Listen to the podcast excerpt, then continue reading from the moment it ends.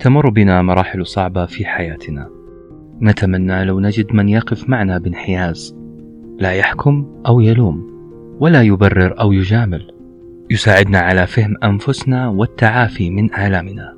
وعلى الوصول إلى حلول تعيننا على المضي في الحياة. تطبيق لبيه للاستشارة النفسية. دوما معك في رحلة أمل.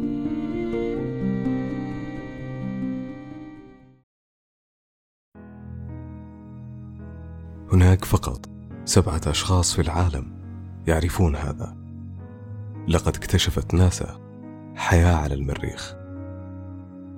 في واشنطن سنة 1999 كانت هذه بالحرف الواحد هي الكلمات التي همس بها رئيس الشؤون السياسية الأمريكية في أذن حبيبته. لم يكن يعلم أنها ستبيع أسراره في اليوم التالي إلى إحدى مجلات الفضائح الأسبوعية. لينتشر هذا الخبر في الولايات المتحدة وتضج الصحف والأخبار بعناوين. ناسا تكتشف وجود حياة على المريخ. اليوم مو بس سبعة أشخاص في العالم يعلمون بهذا الاكتشاف. اليوم العالم كله يعرف ومتابع لأهم موضوع في مجال الفضاء استعمار المريخ. في السابع من أغسطس سنة 1996 وقف الرئيس الأمريكي بيل كلينتون خارج البيت الأبيض ليعلن أن حجرا نيزكيا عثر عليه في القارة القطبية الجنوبية تحديدا في منطقة آلان هيلز Rock 84001 speaks to us across all those billions of years and millions of miles. It speaks of the possibility of life. الصخرة التي عثر عليها هي صخرة من كوكب المريخ سميت الصخرة المريخية بألان هيلز 84001 نسبة للمنطقة التي وجدت بها الصخرة. منطقة آلان هيلز. وبدأت الدراسات والأبحاث على الصخرة من العلماء. وكانت الدراسة سرية. زي ما قلنا كان فقط سبعة أشخاص يدرسون الصخرة المريخية. وبعد الدراسة كانت النتائج مذهلة. الصخرة تحتوي أدلة مثبتة على إمكانية وجود حياة على سطح المريخ. وهناك كتاب جميل تكلم عن الصخرة بالتفصيل. إذا يهمك تعرف الأدلة التي اكتشفت في خبايا الصخرة المريخية. أنصحك بقراءة كتاب The Hunt for Life on Mars. وهناك نسخة عربية للكتاب باسم البحث عن الحياة على المريخ. الكتاب جميل بياخذك في حكاية تبدأ من الصفر لين لحظة إطلاق الصواريخ وإعلان خطة استعمار المريخ. الكتاب هيستوري كامل عن صخرة ألان هاوز المريخية. اليوم ما صار الموضوع فقط صخرة مريخية ودراسات عن ما إذا كانت الحياة على كوكب المريخ ممكنة أم لا. اليوم الكل متأكد أن الحياة على المريخ موجودة. الكل على دراية بأكبر مشروع للبشرية استعمار المريخ. لكن يبقى السؤال المهم لماذا نستعمر المريخ؟ لماذا نستعمر كوكب آخر؟ وأكيد راح يكون أقل امتيازات من كوكب الأرض. الجواب ببساطة لأن الأرض مهددة بالانقراض. البشرية مهددة بالانقراض. لو بتكلم عن المهددات اللي تهدد كوكبنا بقول لك الحرب النووية الحرب العالمية التغيرات المناخية والانهيار البيئي الأوبئة انفجار بركاني عملاق أو اصطدام نيزك. وهذا مثل اللي حصل مع الديناصورات. اصطدم نيزك أدى إلى انقراض الديناصورات. هذه كلها كوارث ممكن بلحظة وثانية تمحي الكوكب. ممكن بثانية البشرية والحضارة تنقرض. فكرة استعمار المريخ هدفها حفظ البشرية. حفظ الجنس البشري من الانقراض.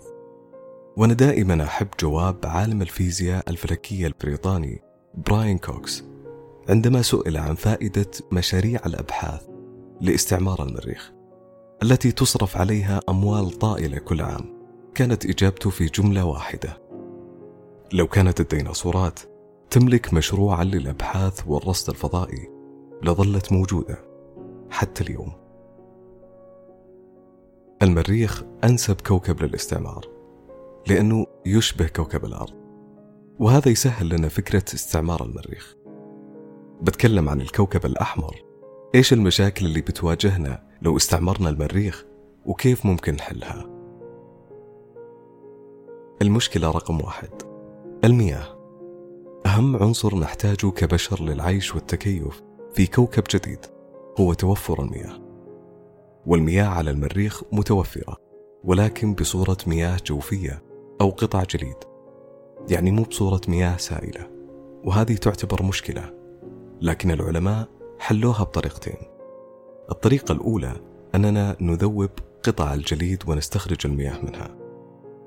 أما الطريقة الأخرى هي عن طريق آلة صنعت في جامعة واشنطن.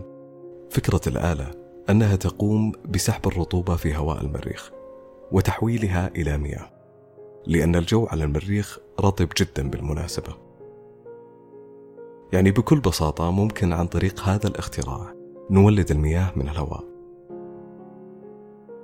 المشكلة الأخرى انعدام الأكسجين في المريخ. أنت عارف أنه 96% من الهواء في المريخ هو غاز ثاني أكسيد الكربون. لكن ناسا وأخص بالذكر مايكل هيكت حل هذه المشكلة باختراع جهاز يقوم بتحويل ثاني أكسيد الكربون إلى أكسجين. يعني مشكلة عدم توفر الأكسجين في المريخ محلولة. أيضا السكن على المريخ راح يكون صعب شوية نظرا لوجود الأشعة الضارة والأشعة الكونية. لذلك السكن راح يكون إما في مباني قابلة للنفخ أو تحت أرض المريخ. وبالنسبة للطعام فتربة المريخ تعتبر تربة زراعية جيدة تحتوي على مغنيسيوم وصوديوم وبوتاسيوم. تربة المريخ تربة قلوية جيدة تناسب للزراعة. الوقت على المريخ 24 ساعة و39 دقيقة. نفس مقدار اليوم على الأرض تقريبا. المريخ أنسب كوكب للعيش. صحيح لن يكون المريخ كالأرض لكنه الأنسب من بين كل الكواكب للاستعمار.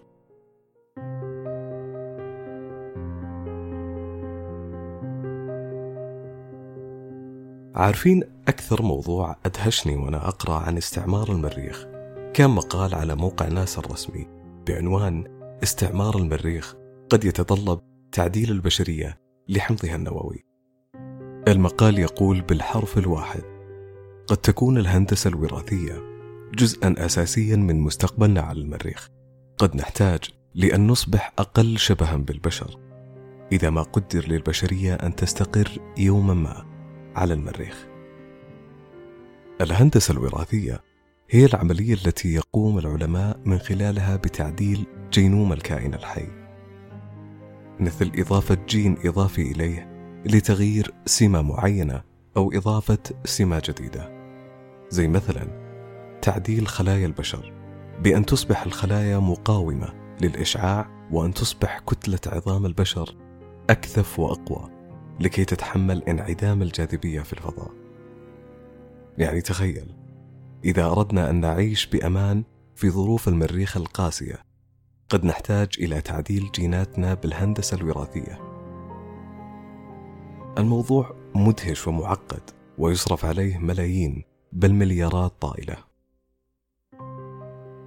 أنا متأكد استعمار المريخ مو مصطلح جديد عليك. الفكرة أصبحت مقبولة ومعروفة والكل عارف أن من أهم خطط البشرية هي الاستعمار. لكن يبقى السؤال المهم. هل للاستعمار آثار سلبية على البشرية؟ لو افترضنا أن خطة الاستعمار نجحت والبشر فعلا أصبحوا قادرين أن يكونوا مستعمرات ناجحة ونجحوا بالعيش والتأقلم على سطح المريخ. هل حلت مشكلة حفظ البشرية من الانقراض أم ستظهر مشاكل أخرى؟ في رأي مخيف للفيلسوف آدم مورتون يقول فيه لن يكون استعمار المريخ هو الحل لحفظ الجنس البشري بل ستظهر مشاكل أسوأ هذا الاستعمار يمكن أن يؤدي إلى حرب بيولوجية ونووية على الأرض والكوكب الأحمر. إذا نجحت دولة واحدة في الانتقال إلى المريخ فإنها قد تشعل حربا على الأرض. يعني تخيل قد تنشأ حرب بين الكوكبين. ختاما قبل سنوات طويلة كانت فكرة استعمار المريخ فكرة أقرب للجنون. واليوم الكل متطلع ومتابع أخبار استعمار الكوكب الأحمر. لو كان في شيء أجزم على وجوده في حمضنا النووي لكان حب الاستكشاف. حب الاستكشاف اللي خلانا نوصل لأبعد نقطة في هذا الكون الفسيح. كنت معكم أنا أحمد الحربي وقام بالكتابة داليا العمري في حفظ الله.